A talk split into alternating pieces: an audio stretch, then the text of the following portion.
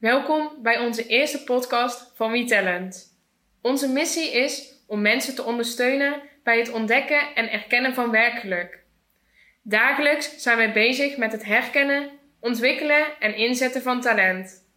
In lijn met onze missie belichten wij in onze podcast verschillende onderwerpen. Deze week gaan wij het hebben over intrinsieke motivatie. Aan tafel zitten Pascal Joren en Floor Nooyen. Pascal is eigenaar van WeTalent en Floor is recruiter en coach. Zij zullen spreken over intrinsieke motivatie.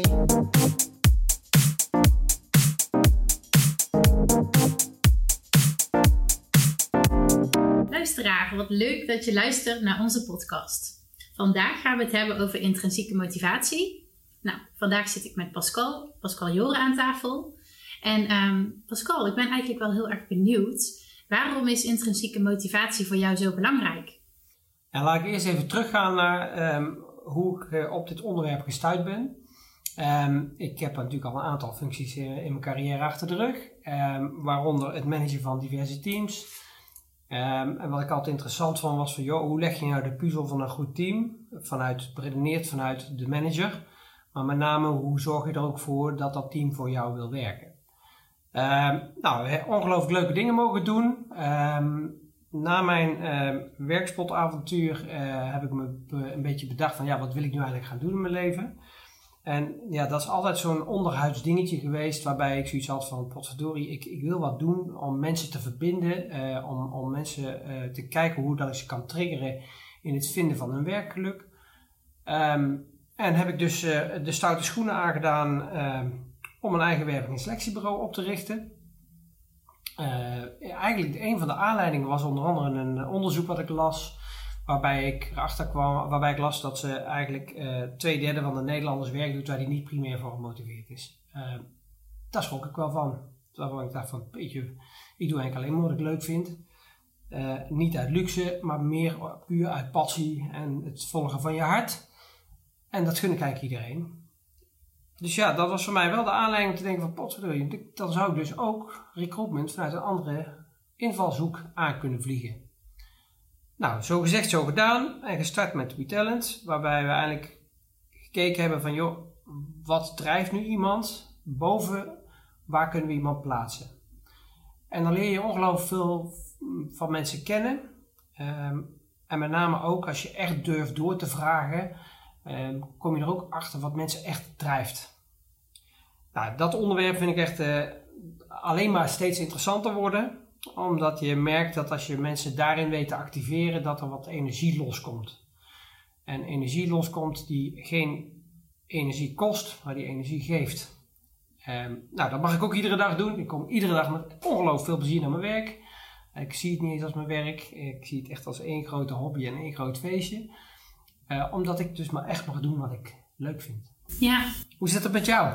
Ja, nou leuk om te horen natuurlijk. En ik heb dat zelf ook ervaren. Jij mag dat elke dag met kandidaten natuurlijk bespreken, maar ook met je eigen personeelsleden. Zo ben ik hier natuurlijk ook uh, aan de slag gegaan. Ja. En voor mij is het ook een onderwerp geweest waar ik veel mee bezig ben geweest en nu nog steeds. Een aantal jaar geleden was het vooral voor mezelf, omdat ik heel erg zoekende was van wat wil ik nu. Ik deed een opleiding communicatie en ja, om maar in het ideaalplaatje te vervallen wilde ik een master gaan doen op de universiteit ik, ik had meegeschreven en ik dacht al van, of dit het nu echt is voor mij, weet ik niet. Doe ik het nu voor mezelf of doe ik het nu voor de buitenwereld? En eigenlijk ben ik toen heel erg goed na gaan denken. Ik ben toen naar het buitenland gegaan, naar Nicaragua, en ik was daar heel erg alleen. Maar dat heeft me er wel op gewezen dat ik elke dag met mezelf het leuk moest hebben. Dus niet per se voor de buitenwereld het leuk moest maken. En toen ben ik eens gaan denken wat ik nu echt wilde. En ik kwam erachter dat ik veel meer een praktijkmens was dan een theoriemens. En dat coaching, dus zeg maar het, het ondersteunen van anderen, het bekijken naar de drijfveren, dat samen bespreken, dat dat mij gewoon heel erg lag. En zo um, ben ik aan een coachingopleiding begonnen. Dat was echt de beste keuze die ik heb gemaakt. En niet heel veel later ben ik bij WeTalent gestart. En daar mag ik het eigenlijk elke dag ook toepassen en verder uitwerken. En wat mij heel erg heeft geholpen daarin, ik heb zelf ook bij een coach gelopen voor mijn loopbaan, zeg maar. Het schrijven van een script. Dus ik moest echt gaan opschrijven van hoe ziet nou een ideale werkdag voor mij eruit? hoe mag mijn baan eruit zien. En dat gaat echt van een kopje koffie drinken in de ochtend tot aan het brainstormen met je collega's, tot aan vergaderingen.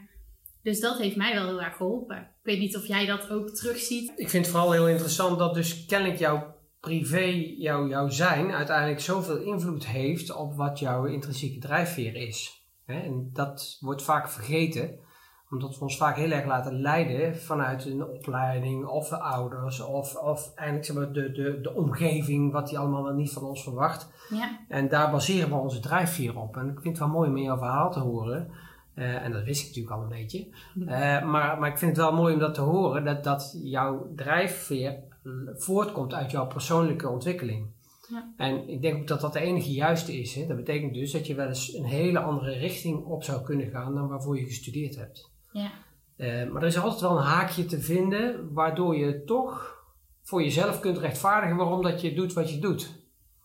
Dus ehm, dat vind ik wel leuk. En ik, ik ben zelf ook zo'n autodidact, dus ik vlieg gewoon alles aan. Ik, ik zeg altijd, ik ben niet begonnen met recruiten omdat ik recruiters zulke leuke mensen vind. Ik ben met recruiten begonnen omdat ik mensen zulke leuke wezens vind en interessante wezens vind. Ehm, en, maar wel dat je, zeker in de aanvang, dan begin je met zo'n vak en dan denk je van, jeetje, het is echt een vak. En eh, heb ik het wel in me? Hè? Eh, nou goed, gelukkig bestaan we inmiddels acht jaar een gezond bedrijf, dus wat dat betreft eh, mogen we niet klagen. Maar je wordt wel steeds beter in je vak. Hè? Steeds secuurder, kritischer. Ehm, en dat leidt er ook toe dat ik wel vaak met mensen in gesprek zit die, waar je al heel snel erachter komt van joh, weet je, jij wil manager worden, maar wil je wel manager worden? Hè? Jij wil eh techneut zijn of wil jij commerciant zijn? Ehm, ehm, welke richting wordt jou, is nou jouw geluksrichting? Ehm, en dat heeft er wel me ertoe gebracht om eigenlijk te, eigenlijk, eh, te werken volgens een drie-stappen principe, waarbij ik mensen wil gaan hel- eh, proberen te helpen om erachter te komen wat nou hun echt drijft. Nou, stap 1 daarin is altijd dat we altijd vragen van, joh, luister, je bent, je hebt allemaal wel zo'n bedrijf waar je naartoe wil, waarvan je denkt van, die je ziet, waarvan je denkt van, oh, dat zou ik echt helemaal te gek vinden om daar te mogen werken. Dat kan Google zijn, dat kan van alles zijn. Ehm, de eerste vraag die ik dan stel, maak maar eens een A4'tje, schrijf op dat A4'tje eh, al die bedrijven op die jij bij jou opkomen als jouw ideale werkgever. En gewoon fysiek een bedrijf, bedrijfsnaam, en als je dat gedaan hebt, dan ga je strepen. Strepen net zolang totdat je er maar eentje overhoudt. Ehm nou, dat, dat moet je al te raden geven. En dan moet je al denken van jeetje, waarom doe ik dat eigenlijk? Waarom is dit dat bedrijf? Waarom, waarom trekt mij dat zo? Ehm, en dat vind ik wel interessant, want dan, dat zegt iets over de cultuur die jij zoekt. De bedrijfscultuur die jij zoekt. Stap 2 is dan, probeer dan maar eens op te schrijven, wat voor functies wil ik nou eigenlijk bij dat bedrijf doen? Dus alle functies je, die je maar kunt bedenken, die bij jou, dicht bij jou liggen, opschrijven. Dan ga je vervolgens weer strepen. Weer je er maar eentje overhoudt. En die functie, dat is de functie kennelijk die diepst van binnen bij jou op basis van pure ingeving, eh, de functies die bij jou gaat passen.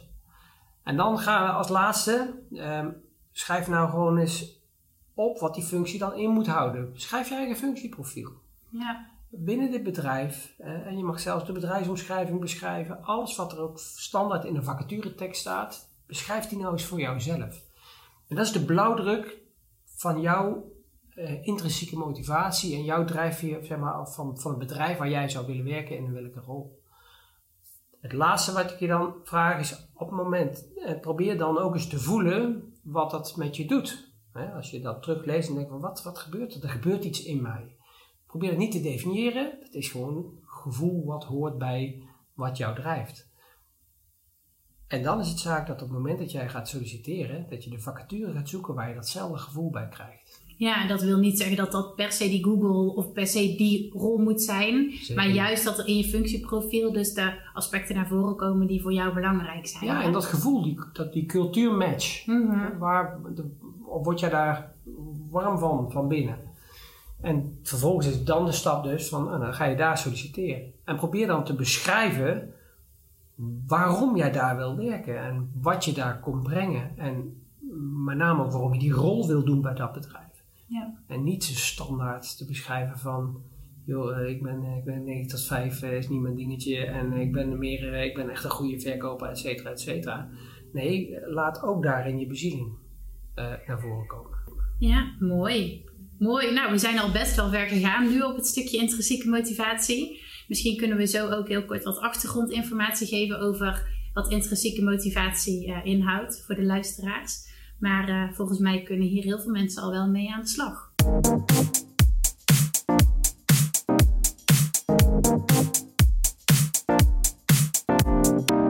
Zoals ik net al zei, is het misschien wel handig om een klein beetje achtergrond te geven over intrinsieke motivatie. Wij zijn er natuurlijk elke dag mee bezig, maar dat hoeft niet uh, te betekenen dat iedereen uh, dat is.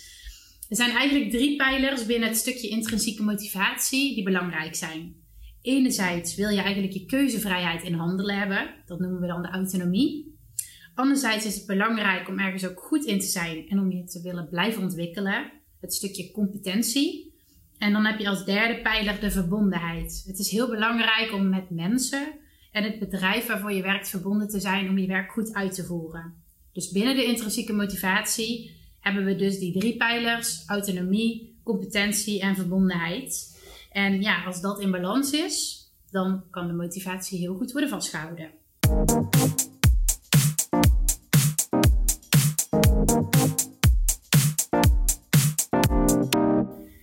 We hebben het nu natuurlijk uh, over heel wat informatie al gehad over uh, de intrinsieke motivatie. Maar ik denk dat het ook leuk is om even op het nut in te zoomen van intrinsieke motivatie. Want wat is nu eigenlijk het nut? Wat is de toegevoegde waarde? Ik denk dat jij daar heel wat over kan vertellen, Pascal. Hoe zie jij dat? Ja, eigenlijk kun je het in één woord omvatten. Uh, dan noem ik dus werkgeluk. Maar misschien kun je werk dan tussen haakjes zetten. Het effect namelijk, als jij kiest voor echt jouw intrinsieke drijf, dan geloof ik erin dat dat een enorme effect heeft voor op zowel jouw productieve kant in je werkomgeving, maar ook jouw plezier en fun factor die je mee naar huis neemt. Heel veel mensen, die, komt terug even op dat beginonderzoek, hè, waar, waar, op basis waarvan ik de conclusie heb getrokken dat ik dit wilde. Uh, daaruit blijkt dus dat zo'n groot deel van de Nederlandse werkbevolking dus kennelijk werk doet waar die niet voor gemotiveerd is of was. Wat heeft dat voor een effect en hoe ver draaft dat door? Probeer je voor te stellen, jij doet werk wat je niet leuk vindt, je komt thuis, je bent bloedchagrijnig omdat je werk hebt gedaan waar je niet voor gemotiveerd bent. Hoe uitzicht dat thuis? Ik durf hardop te zeggen dat het dat ik erin geloof dat als mensen echt gaan kiezen op wat hun drijft en niet op wat er eh, hun opgedrongen wordt, dat dat ook effect zal hebben op echtscheidingen, op uh, plezier met de kinderen, uh, maar ook op het plezier op het werk. Dus fluitend naar je werk gaan in plaats van s'morgens op te staan en denken: ik moet weer naar de zaak. Ja, en heel eerlijk, we spreken natuurlijk ook dagelijks kandidaten waar je toch best vaak hoort dat, dat ze toch echt niet zo goed in hun vel zitten, omdat ze op het werk niet goed op hun plek zitten. Dus het heeft wel heel veel effect op je leven, denk ik. Nou, het verbazingwekkende daarin is vooral dat mensen zelf er moeite mee hebben om dat tijd te keren. Dus dat ze eigenlijk op basis van, van ja, historie hun carrière zijn gaan bouwen in een bepaald een natuurlijke flow zijn gekomen van misschien zelfs wel werkongeluk maar daar zo aan gewend zijn geraakt dat ze het niet meer zien of willen zien. Ja, als je daar zelf ook in zit, dan is het ook heel moeilijk om dat te doorbreken. En daarom is het denk ik goed om het onderwerp hier ook nog eens extra te benadrukken. Zeker. Want het is niet vanzelfsprekend om uitgeblust naar je werk te gaan, om moe te zijn na een werkdag, om op te zien tegen je meetings. Dat is niet vanzelfsprekend. Uiteindelijk kun je misschien wel twee keer zo hard werken en met meer energie thuiskomen dan wat je doet op het moment dat je iets doet wat je niet leuk vindt. En dat, dat, dus, dat je dus uitgeblust thuis komt met de halve inspanning.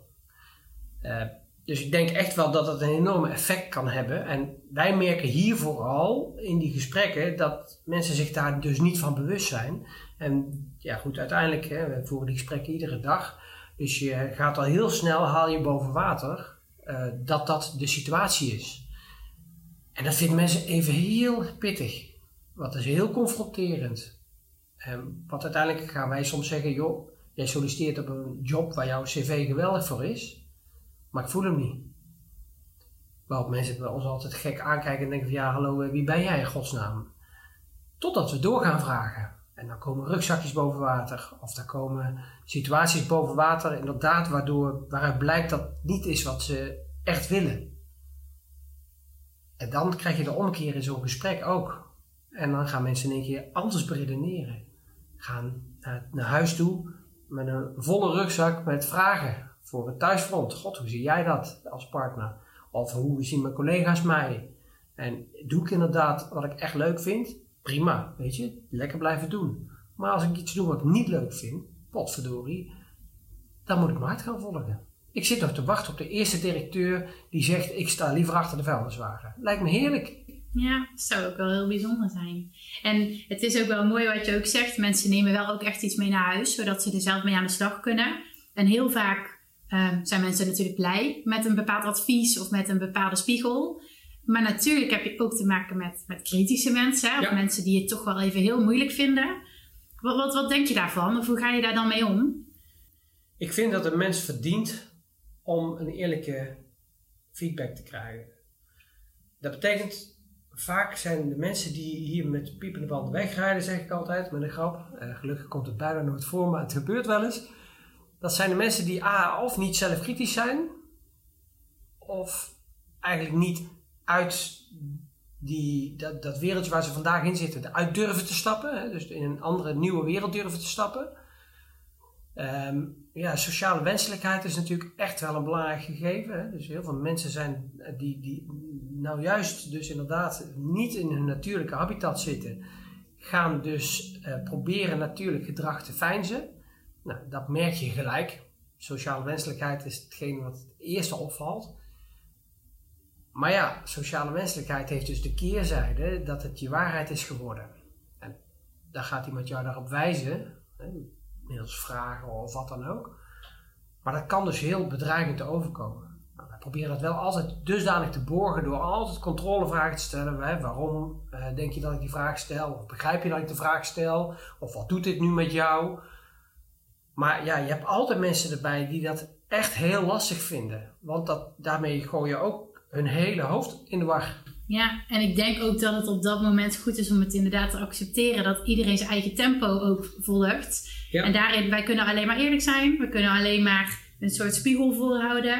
Maar het is altijd aan de andere kant van de tafel, zeg maar, wat die persoon ermee doet. Um, ja, ik denk dat het helder is dat voor ons dat stukje intrinsieke motivatie heel belangrijk is. Dat we dat ook heel graag willen delen met anderen. Dat iedereen daarvan kan genieten.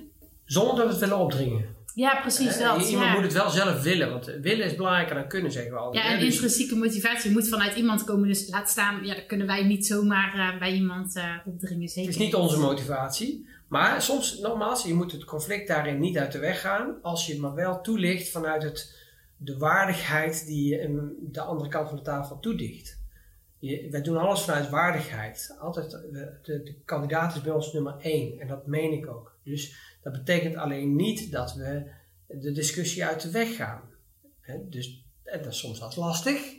Maar aan de andere kant, als iemand dan met piepende banden weg zou rijden, en het gebeurt wel eens, ja weet je, dan is het zaak dat we daarna weer eventjes een belletje plegen. Of, en weet je, en dat is ook een gevoel wat gewoon mag. Dat mag er gewoon zijn. Je mag gewoon boos zijn. Waarom niet? Dit is niet allemaal pijn en vrede in de wereld.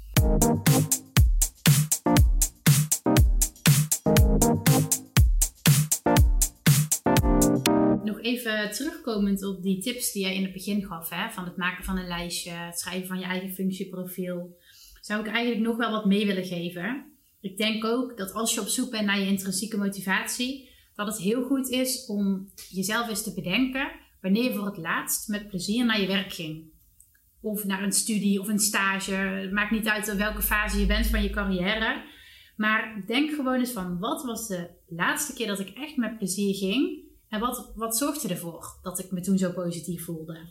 Dat is denk ik wel iets wat je voor jezelf kunt opschrijven. Ja, en je beste coaches, die heb je heel dichtbij je. Dat kunnen, zijn, dat kunnen je kinderen zijn, dat kunnen je ouders zijn, dat kan je partner zijn, dat, kan een hele goede vriend of vriendin zijn. Ja, ik adviseer altijd, vraag ook gewoon eens aan zo'n persoon, die, eh, dan mag je zelf invullen wie dat is, Maar vraag nou gewoon eens van, joh, als jij mij nou een aanbeveling zou moeten geven, welke richting dat ik op zou moeten denken qua werk. Wat zou dan jouw belangrijkste tip zijn? En ga niet gelijk in verweer, maar probeer dat te absorberen en dan door te vragen juist. Te denken, door te vragen op het feit van, ja, hey, goh, interessant, waarom? En hoe zie jij dat dan? En laat het daarbij. Ja, en dus- dan kun je ook mooi de koppeling maken voor jezelf. Oké, ik heb de input van de andere kant, van iemand die mij heel goed kent, dus iemand die heel dicht bij me staat. En het stukje van je eigen motivatie. Zo kan je denk ik heel ver komen. Ja. Ja, misschien is het ook handig om nog even een aantal uh, tips te geven voor het afsluiten. Hoe, hoe zouden wij deze podcast kunnen samenvatten?